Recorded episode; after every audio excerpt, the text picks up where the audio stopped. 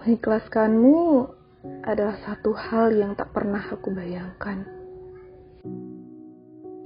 Dan mencintaimu adalah satu hal yang tak bisa terus aku lakukan. Seperti matahari yang mengikhlaskan bulan saat gerhananya pergi.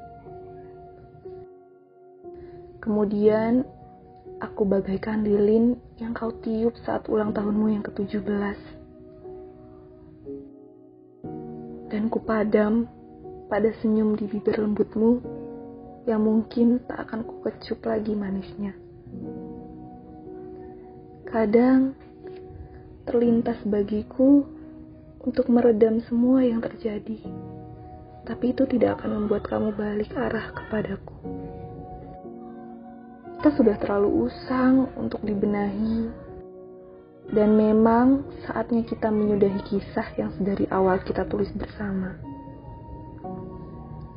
Karena pada dasarnya sejak saat itu kau sudah tak lagi ada di sana. Menantiku pulang lalu menulis cerita lagi di atas ranjang seperti yang kita lakukan kala itu. Selamat tinggal dan berbahagialah manis.